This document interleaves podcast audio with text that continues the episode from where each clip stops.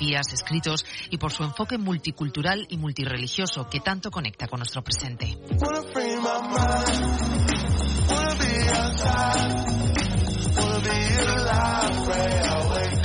Hemos llegado a las 7 y 20 minutos de la mañana, son las 6 y 20 en Canarias. Cadena Ser Catalunya. Allà on vagis, Ser Catalunya t'acompanya. Escolta Ser Catalunya en directe des de qualsevol lloc. Som a la barra de bar amb la Núria Casa. Amb l'aplicació de la cadena Ser. Som a tot arreu. Som al teu costat.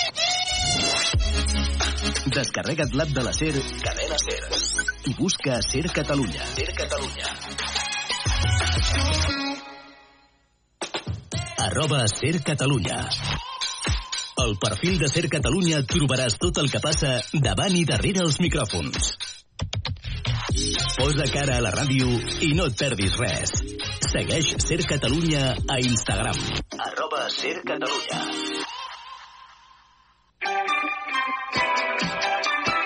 Ser Catalunya. La força de la conversa.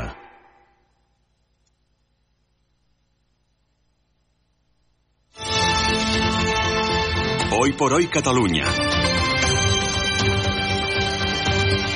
Sergi López. Què tal? Bon dia. El rei Felip defensa la independència judicial en ple pols per l'amnistia. El monarca va demanar ahir en l'acte d'entrega de despatxos als jutges de la 78a promoció que respectin les seves resolucions. Per la seva part, el president del Consell General del Poder Judicial, Vicente Aguilarte, va avisar que l'acció dels magistrats mai es podrà veure revisada fora dels tribunals. De seguida entrem en matèria. Abans, però, anem amb la informació servei. Comencem pel temps.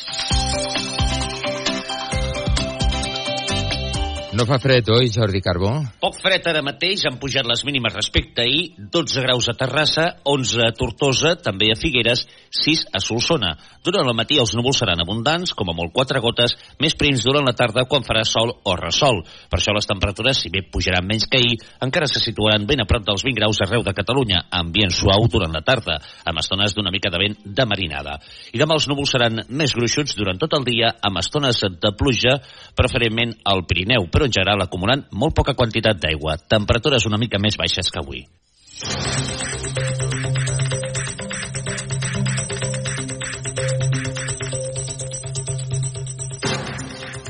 Anem ara amb la informació del trànsit. RAC, Àlex Huguet, bon dia. Molt bon dia, reobert el carril per l'accident a la ronda de dalt al tram d'Horta en sentit Llobregat i hi ha encara 4 quilòmetres de molta congestió des del nus de la Trinitat. També es manté el vehicle variat ha apartat el voral a la B30 a Sant Cugat en sentit sud i ara registren dues incidències a l'AP7 lluny de l'àrea metropolitana, un entre Freginals i Amposta en direcció a Castelló i l'altre a la demarcació de Girona a Vilabreix en sentit Barcelona on també està allà un carril. Més enllà d'això hi ha els trams de 3 quilòmetres habituals a Nora Punta, a la C58 en els dos sentits a Montcada, a la P7 a Santa Perpètua en sentit Tarragona, a la C17 des de Parets en sentit sud o pel Llobregat, a la B23 a Molins o a la C32 a Sant Boi, com sempre, cap a Barcelona i a banda de la incidència a la Ronda de Dalt, a la litoral hi ha molta lentitud al tram habitual entre Sant Adrià i la Barceloneta en sentit Llobregat. És tot des del RAC. Bon dia.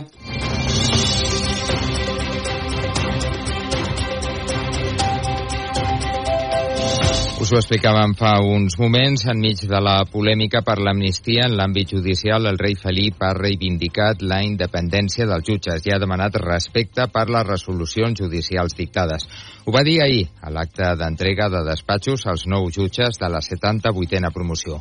Martí Rodríguez. En un discurs de 12 minuts i sense fer cap referència explícita a l'amnistia, Felip VI ha demanat fins a quatre vegades que es respecti la independència judicial. La independencia de la justicia es esencia del Estado de Derecho y todos han de preservarla y respetarla. Abans que ell, el president interí del Consell General del Poder Judicial, Vicente Aguilarte, ha dit als nous jutges que no tolerin mai ingerències externes. Una función, la vuestra, que nunca podrá verse revisada en instancias ajenas a las jurisdiccionales. Déjennos en paz. Paraules pronunciades de l'acte mm. celebrat a Barcelona mm. en el que 169 jutges han pres possessió del seu nou càrrec. I seguim encara amb més notícies relacionades amb els tribunals. Arnau Baquer, bon dia. Hola, bon dia, Sergi. La Fiscalia ja té sobre la taula la denúncia de Josep Lluís Trapero per l'operació Catalunya, la presumpta guerra bruta contra l'independentisme durant el govern de Rajoy. Sí, quan diversos mitjans van publicar fa un mes que l'anomenada policia patriòtica va intentar implicar-lo en un cas de tràfic de drogues, l'excap del Mossos, eh, ja va avisar que recorreria a la justícia. Pol Valero. La Fiscalia ja investiga si hi ha indicis de delicte en el que Trapero considera una persecució de la brigada política del PP.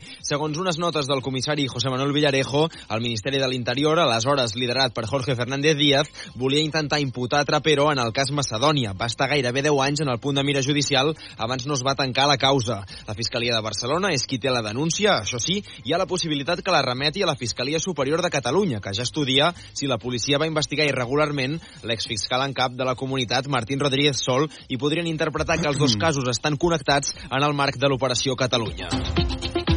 I no abandonem encara la justícia, però en un altre àmbit, perquè l'Audiència de Barcelona ha reobert el cas de la jove de 20 anys que va morir quan li va caure al damunt una palmera al barri del Raval el 3 d'agost passat. El cas es va arxivar el setembre passat, però ara el jutge ha acceptat el recurs de la família de la víctima. En concret, demanen que s'investigui com és que la palmera va superar la revisió. L'acusació particular argumenta que pot existir una responsabilitat per part de l'Ajuntament perquè existeix una denúncia prèvia per part d'un veí del Raval que mesos abans ja va advertir que la palmera estava molt inclinada i corria el perill de caure. Hoy por hoy Catalunya. La campanya d'incendis d'enguany es presenta molt complicada per la sequera. Podria ser la pitjor dels darrers 30 anys, segons les estimacions del Departament d'Acció Climàtica. Sí, de fet, mai la vegetació havia estat tan seca en un mes de febrer. La falta d'aigua ha provocat que hi hagi 10.000 hectàrees de vegetació en situació extrema i grans masses de bosc que estan entrant en col·lapse. La directora general de Boscos i Gestor, eh, Gestió de Medi Ambient, Anna Sanitges, diu que això fa preveure una campanya d'incendis molt complicada. Doncs ens implica, eh, si no plou, iniciar una campanya d'incendis extremadament complexa, una campanya d'incendis desconeguda perquè mai havíem començat amb la vegetació tan seca i una campanya de prevenció de, i una campanya d'extinció d'incendis que pot ser la pitjor campanya dels darrers 30 anys. Acció Climàtica ha començat a talar arbres morts per garantir la seguretat dels usuaris del bosc i per minimitzar el risc d'incendi. La directora de Boscos explica que el Garraf és una de les zones més afectades, però també el nord de Girona, el Barcelonès i el Baix Llobregat i la Catalunya central. Setmana clau pels pressupostos de Pere Aragonès. Dimarts el govern es va reunir amb el PSC, ahir ho va fer amb els comuns i avui amb Junts per Catalunya. Aragonès vol presentar-los aquest mes de febrer i ho vol fer Laura Pons quan el pacte estigui tancat. Han sigut reunions de treball que han anat bé, diuen fons del PSC i dels comuns, però els socialistes reiteren l'avís primer cal que es compleixin els acords del 2023. És Alicia Romero, en declaracions a Catalunya. Diguéssim, no estem a les acaballes d'una negociació, ni molt menys. Estem esperant que el govern compleixi els acords als que es va comprometre el 2023 i a partir d'aquí nosaltres, evidentment, podem anar tot lo ràpid que faci falta. Es refereix a la B40 al Hard Rock i a l'ampliació de l'aeroport del Prat. El govern, però, es defensa dient que s'han complert el 90% dels acords del 2023. Les converses també avancen amb els comuns, amb qui aquest dimecres van arribar a un compromís perquè es calendaritzin i executin el que tenen pendent del 2023 per començar a parlar dels del 2024. Dues mostres, jueus i conversos a l'edat mitjana i la primera antològica que es fa a l'estat de la pintora francesa Susan Baladon són els dos plats forts de la programació del Museu Nacional d'Art de Catalunya per aquest any. La primera mostra, Jueus i conversos, és una coproducció que s'ha fet amb el Museu del Prado que es va estrenar a Madrid però que aquí, a Barcelona, es reconfigura per incorporar peces pròpies del museu. Pepe Serra n'és el seu director. I és molt rellevant aquest relat sobre eh, la conversió als cristians i als conversos i als jueus en l'edat mitjana en l'àmbit espanyol i en l'àmbit català eh, que potencia molt la nostra col·lecció. I després la coproducció amb la gent del Pompidou, però que a nivell català i a nivell espanyol doncs no s'ha presentat mai en lloc eh, i només es veurà aquí i torna a ser un projecte totalment específic. La primera de les mostres, la de jueus i conversos, es podrà veure a partir de la setmana vinent i, finals, eh, i fins a finals de maig. La segona, la mostra de Susan Baladón, arribarà poc abans de Sant Jordi. I ara recuperem alguns moments de la gala del centenari de la ràdio. Una festa que és sobretot un punt i seguit de tot el que la ràdio encara d'explicar i que va tenir convidats com Luis del Olmo i Iñaki Gabilondo. Mil veces que naciera, mil veces intentaría buscar un micrófono. Este señor es el jefe de la tribu y nosotros todos somos los seguidores de él.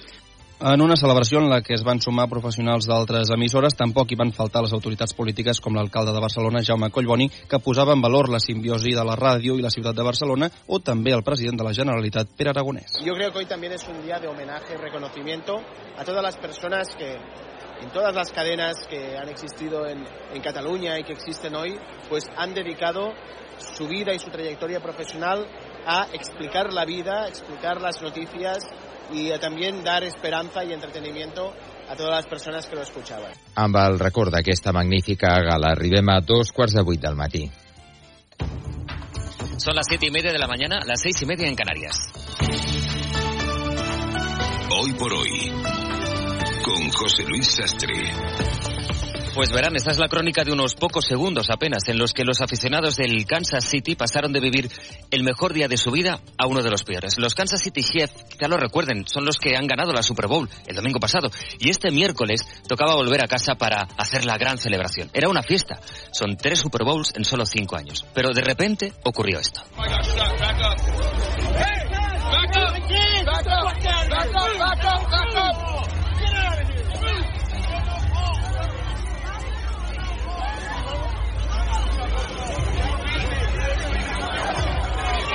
Imaginen el miedo, la incertidumbre entre la multitud, un tiroteo en plena celebración en el desfile que ha matado ya a una persona, hay 21 heridos de bala, nueve son niños pequeños, hay tres personas en estado crítico. En fin, es la historia de un tiroteo, un nuevo tiroteo más en Estados Unidos. Corresponsal Sara Canals. Así es, lo que estaba siendo una de las celebraciones más esperadas del año, el multitudinario desfile de los campeones de la Super Bowl, acabó en